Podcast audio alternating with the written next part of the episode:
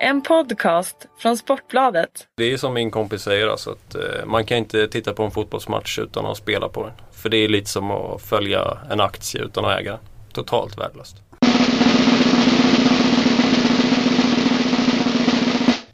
Spelpoddens vara eller icke vara har varit eh, diskussionsämnet den här fredagen. Vi hade en tweet som sa att det inte skulle bli någon podd.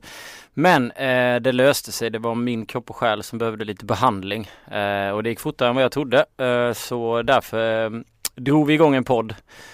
Jag och Fredrik Pettersson, välkommen. Tackar. Fin form. Eh, det får jag säga. Det måste jag ändå säga. Eh, knarkar NHL varje natt som vanligt. Så att eh, kroppsligt samma sak där. Inte så fin form kanske. Men spel, spelmässigt desto bättre. Mm, skönt. Jag grämde mig bara över att jag inte spelade Pens i natt. Jag tyckte det var bra till 1,95.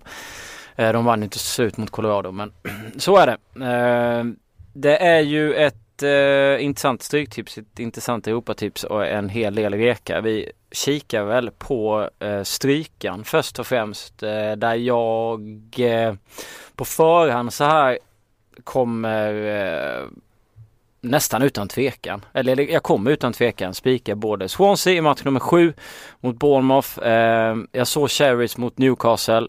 De eh, spelade ju ut Newcastle. Newcastle var ju inte mycket att ha överhuvudtaget eh, i den matchen. Men problemet med för Eddie Howe är ju att han liksom, hans Bournemouth förlorar ju på att de spelar den fotbollen de gör. De har haft mycket skador och gör inte mål. Och Newcastle hade inte så många chanser. Eh, som tur var för mitt mina skator så gör jag Josso Perez mål så vi vinner den matchen. Jag tror att de kommer försöka spela en liknande fotboll mot Swansea.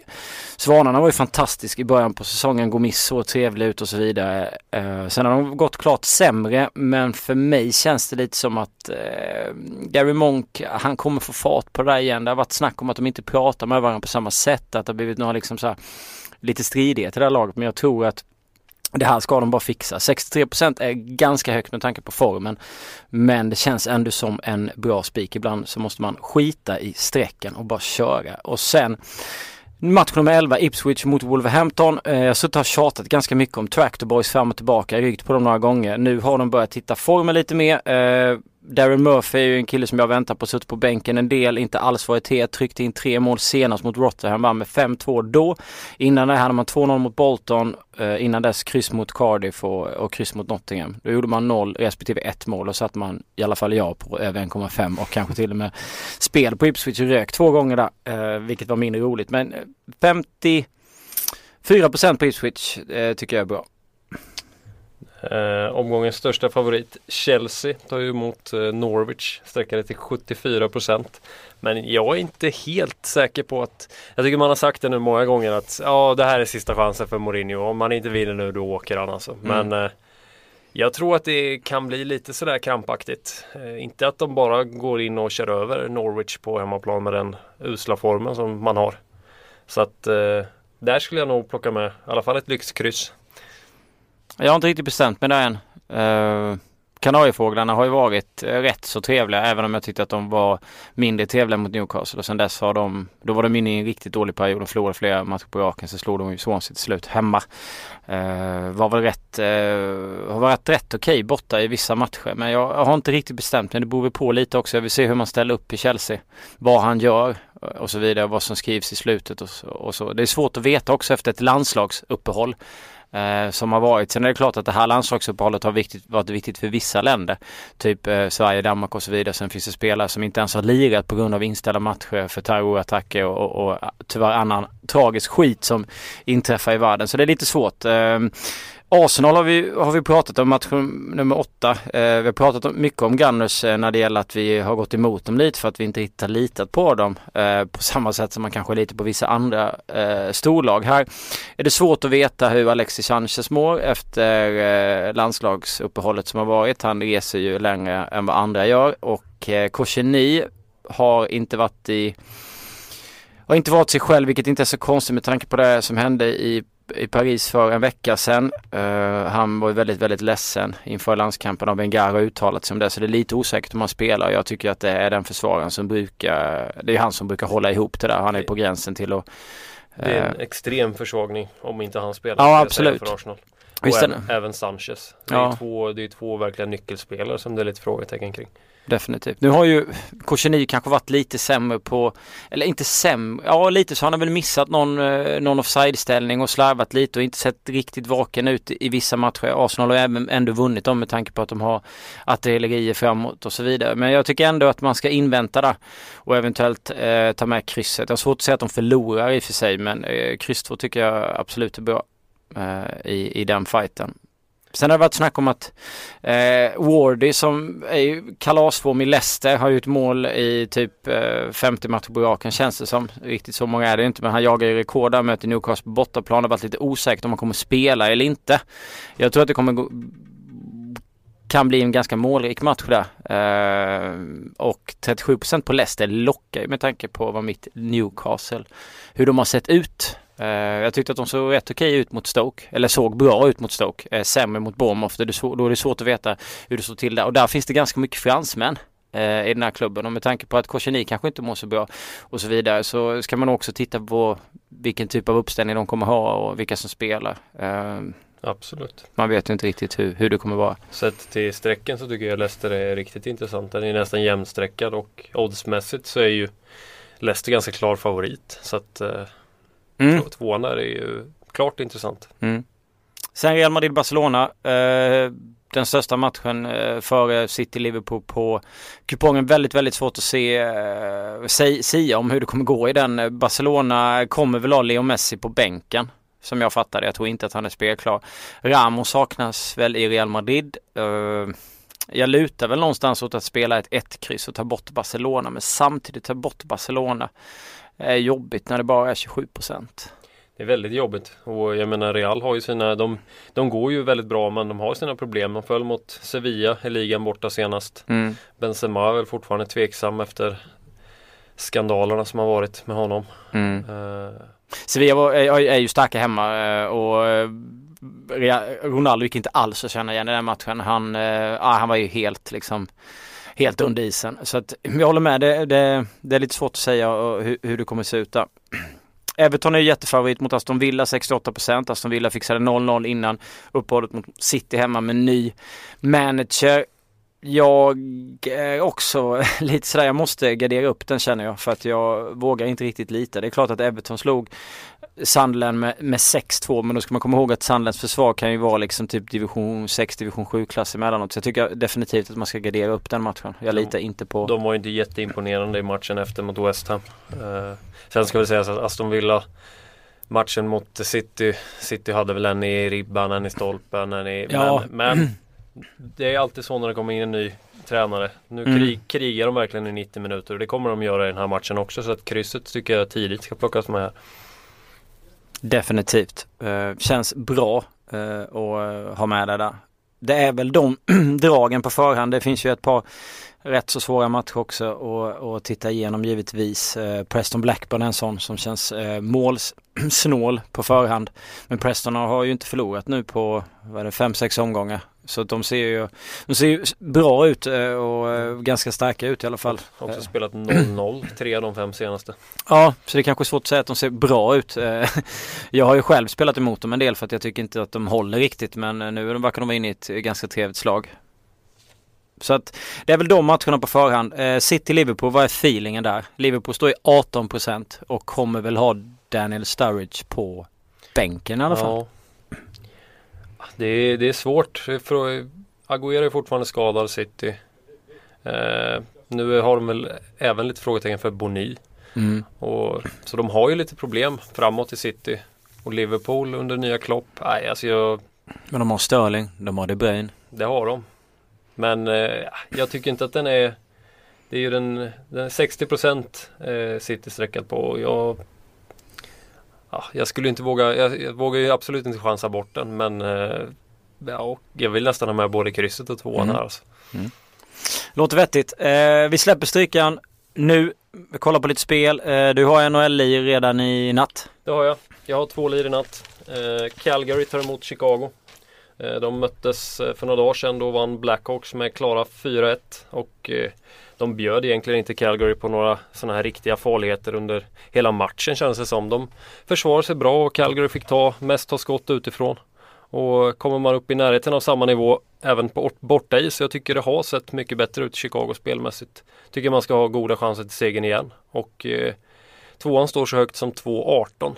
Eh, så den tycker jag det finns mycket spelvärde i. Det är ganska öppet. Calgary kan med ha presterat lite bättre hemma men eh, 2.18 innehåller mycket värde om ni frågar mig.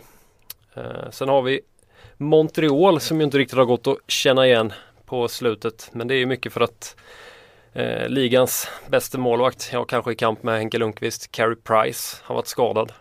Och Condon har gjort det bra som ersättare men det känns som att verkligheten har kommit ikapp lite. Han överpresterade nog lite till en början och eh, Montreal har torskat tre av de fyra senaste. De följer ju med 6-1 mot Colorado bland annat.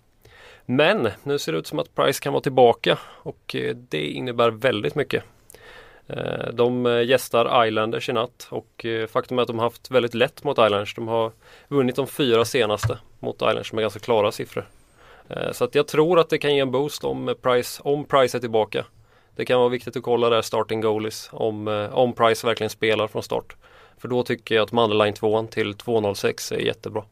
Ja, det är väl eh, huvudgrejen där. Att man Absolut. måste titta vem som spelar annars. Spela, spela kondon, då spelar jag inte spelet. Men spela, spela Price så eh, då lägger jag spelet direkt. Mm. Det var de två i natt. Ja, vi kan ju komma vidare till, eh, till NHL eh, natten efter så att säga. Eh, Chris skulle ju ha varit med här men han är inte det eftersom jag först ställde till det och sen skulle han göra något annat. the busy man. Han kan få en smäll för den. Eller så kan vi hylla honom för att han ville vara med från början. Skitsamma. Han har i alla fall lagt ut lite spel på sin blogg. Ja. Tankar om England. Där det finns lite motiveringar. Alldeles för långa känner jag för att läsa igenom. Eh, men det är i alla fall ett spel i League 2 eh, mellan eh, Dagenham Redbridge mot Oxford United över 2,5 mål till eh, 1,80. Eh, där de möttes ganska nyligen och det blev 0-2 så att Oxford vann. Det var kuppspel. Och han känner väl att eh, hemmalaget har lite frågetecken på med Hoyt eh, bland annat. Eh, kan vara lite slitna efter eh, lite resande och annars De har hållit på och rullat under tiden det varit landslag. Eh, för er som spelar brett och vitt vet ju om detta. Eh, det är ett plus om de spelar, annars är det defensivt eh, ett, eh, defensivt ett minus. Eh, för United ser det knepigt ut i försvaret. Man saknar kapten och försvarsgeneralen Bright. Dessutom kämpar försvarskollega Mullins eh, mot klockan. Um, ett nyvaket det är med eventuella avbräck i defensiv mot ett Oxford med två viktiga skador gör att jag tycker denna fight känns öppen. Uh, skriver Chris och uh, kör alltså över 2,5 mål till 1,80. Ni kan hitta den i uh, i spreaden givetvis som han kommer lägga igenom. Sen har han kört eh, Bristol City mot, mot Hall. Hall spelar alltså borta. Kör halvvinst till 2,20. Två units. Så att han kan öppna upp ganska bra. Hall är ju favoriter och det ska de ju vara. Man kom in med 12-0 i målskillnad senaste fem ligamatcherna. Även slagit ut Leicester ur kuppen under samma period. Eh, så att eh, 2.38 på raka tvåan känns ju mycket. Där nu har han hittat den sista reken på 2.20. Hittar man därifrån uppåt så tror jag att det är bara att köra. Uh, ska vi kika på truppen så är den ganska tunn från början. Uh, inga jätteavbräck hos hemmalaget. Dock måste vi påpeka att den bästa spelaren, superstriken Jonathan Kodja, Eh, var hemma i Paris under uppehållet. Jag tror han kanske uttalar sitt namn annorlunda med tanke på att han är fransman.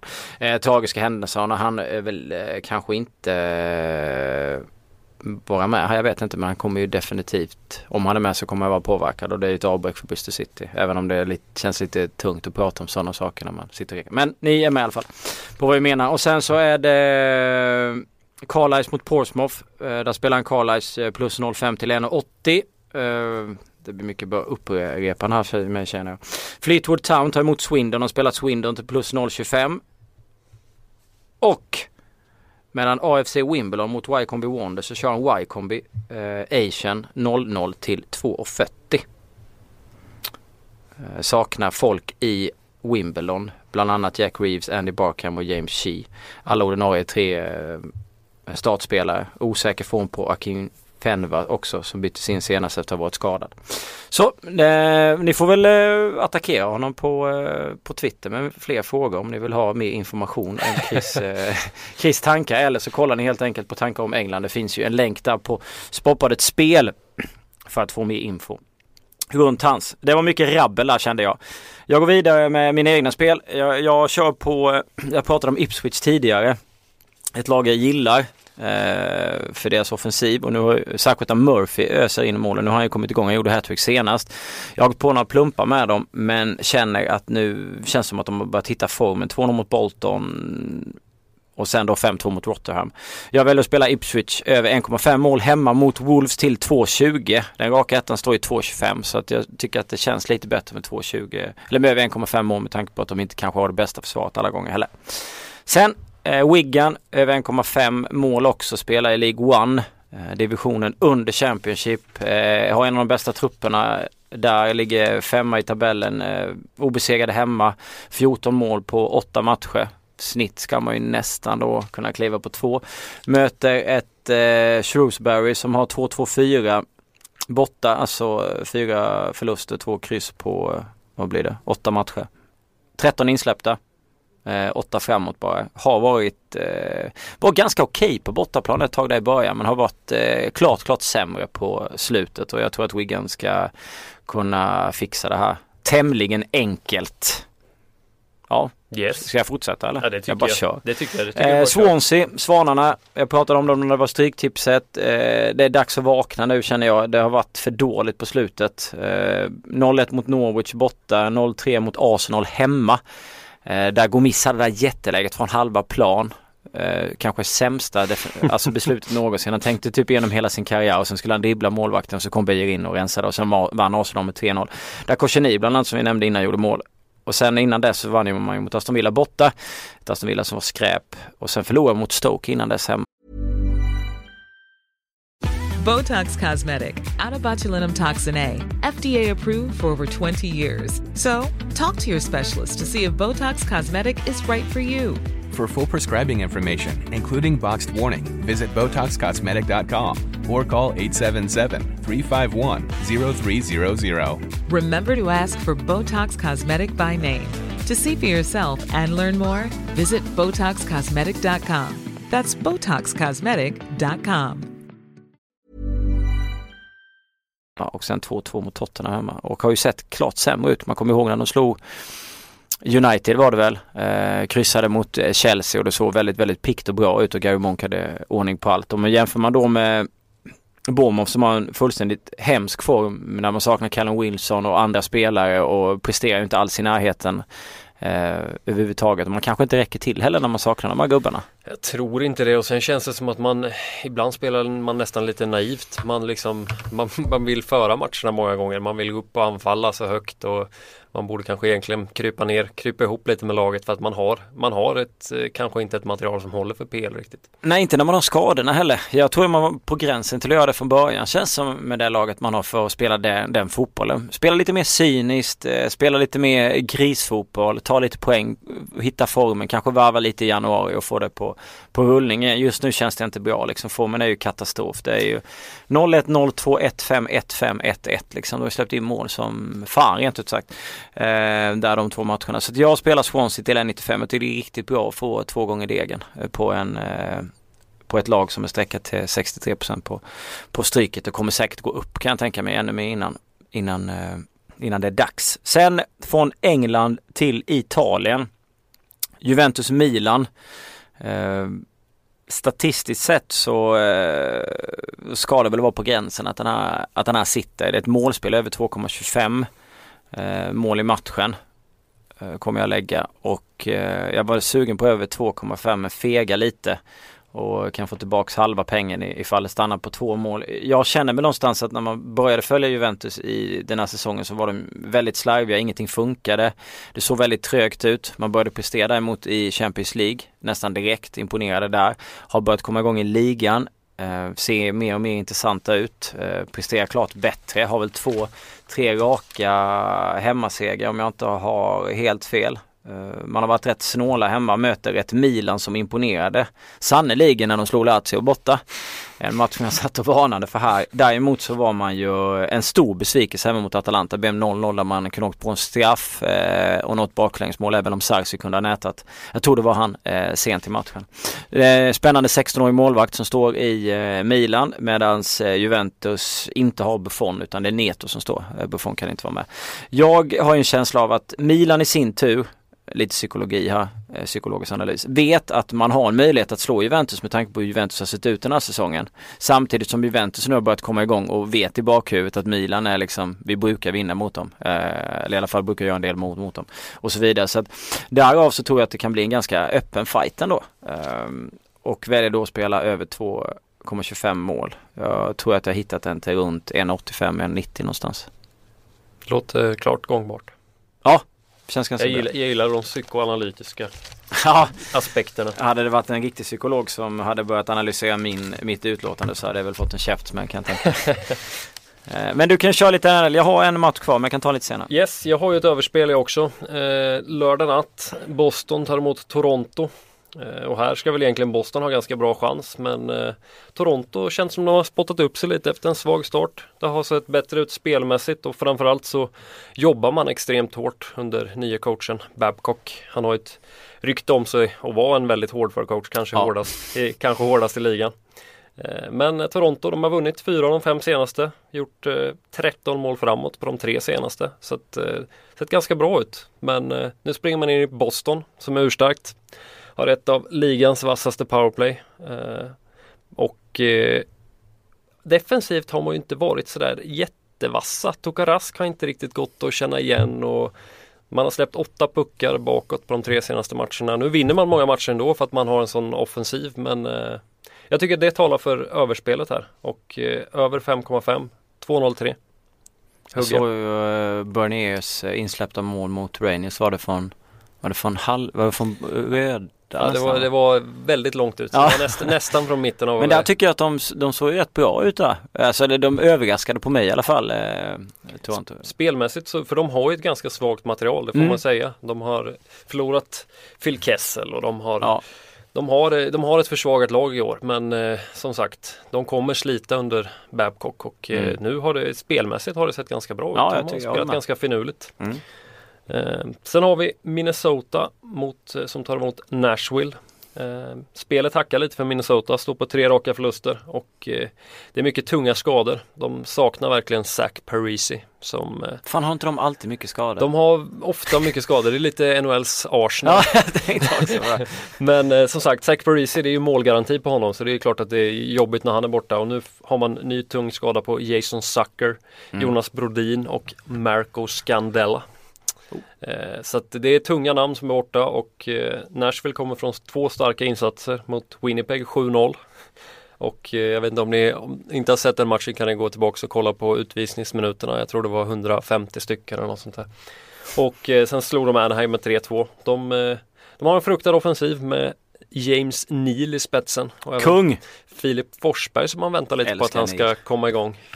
Men de har haft lätt borta mot Minnesota. Vunnit fyra av de fem senaste borta mot Minnesota.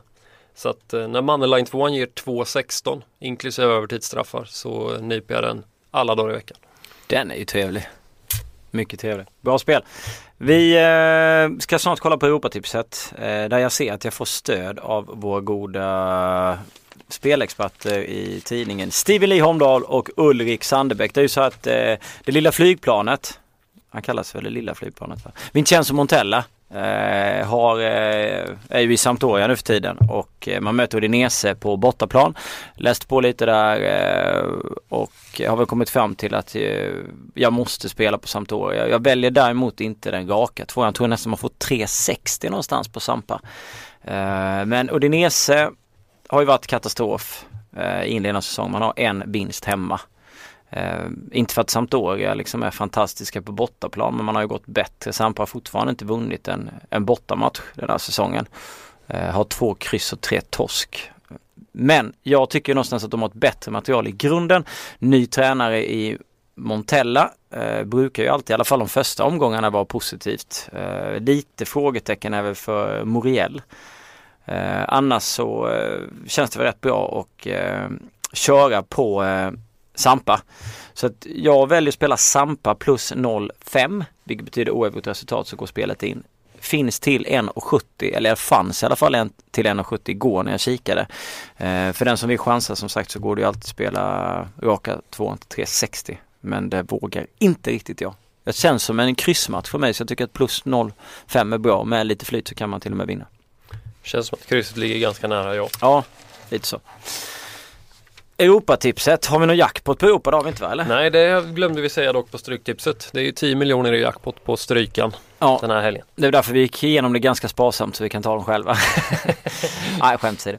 Eh, kollar man eh, här så, eh, alltså Payet är ju borta i West Ham. Och jag var väldigt imponerad av Tottenham mot Arsenal. Jag trodde att Arsenal skulle eh, vinna, inte att de skulle ö- vinna övertygande men jag trodde ändå de skulle vinna. Vilket gör att jag någonstans eh, känner mig ganska komfortabel med att spika Tottenham.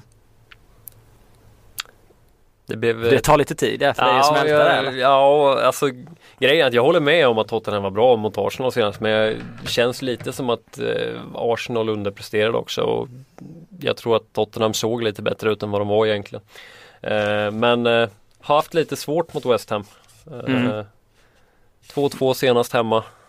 Eh, men sett till nuvarande form så eh, köper jag väl att eh, men jag på min kupong tror jag plockar med krysset. Ja, City, Liverpool och Arsenal har förlorat hemma mot West Ham. Jag har svårt att säga att alla storlagen kommer göra det. Eller storklubbarna, Big Six.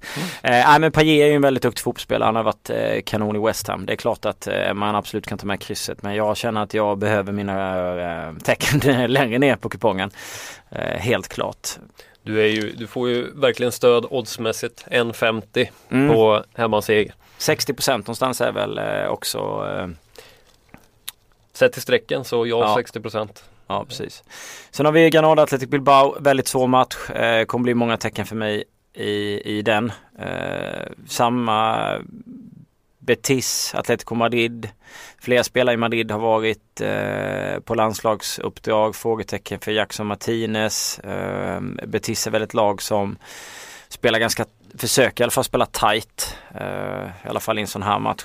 Så det, det, jag har lite så här kryssvarning för, för ganska många lag. Sen kommer vi till Villarreal som har varit super, eh, superstarka hemma. De är liksom 80% av de sträckade till mot Eibar. Det skiljer en poäng. Ja, En poäng i tabellen. Och Eibar har ju lite- egentligen en bättre form också. Eh, alltså Villarreal har en vinst och en kryss på de senaste fem medan Eibar kommer med tre vinster på de senaste fem. Sen är det ju hemmaplan versus bortaplan, absolut, men 80 procent. Nej, det tycker jag. Där skulle man nästan nästan kunna chansa bort dem för just om man bara ska gå på streckfördelning och värde. Mm, det vet jag inte om jag vågar men eh, jag kommer i alla fall definitivt ta med krysset. Det känns som att eh, det måste med liksom. Sen är det de, många av de här liksom Atalanta Torino, Carpe Kiev och Genoa Sassuolo. Man vill ju typ bara kryss, kryss, kryss hela vägen egentligen för att det är väldigt, väldigt svåra matcher. Ehm, Genoa kryssar ganska mycket också. De har Ja. kryss, kryss tre senaste.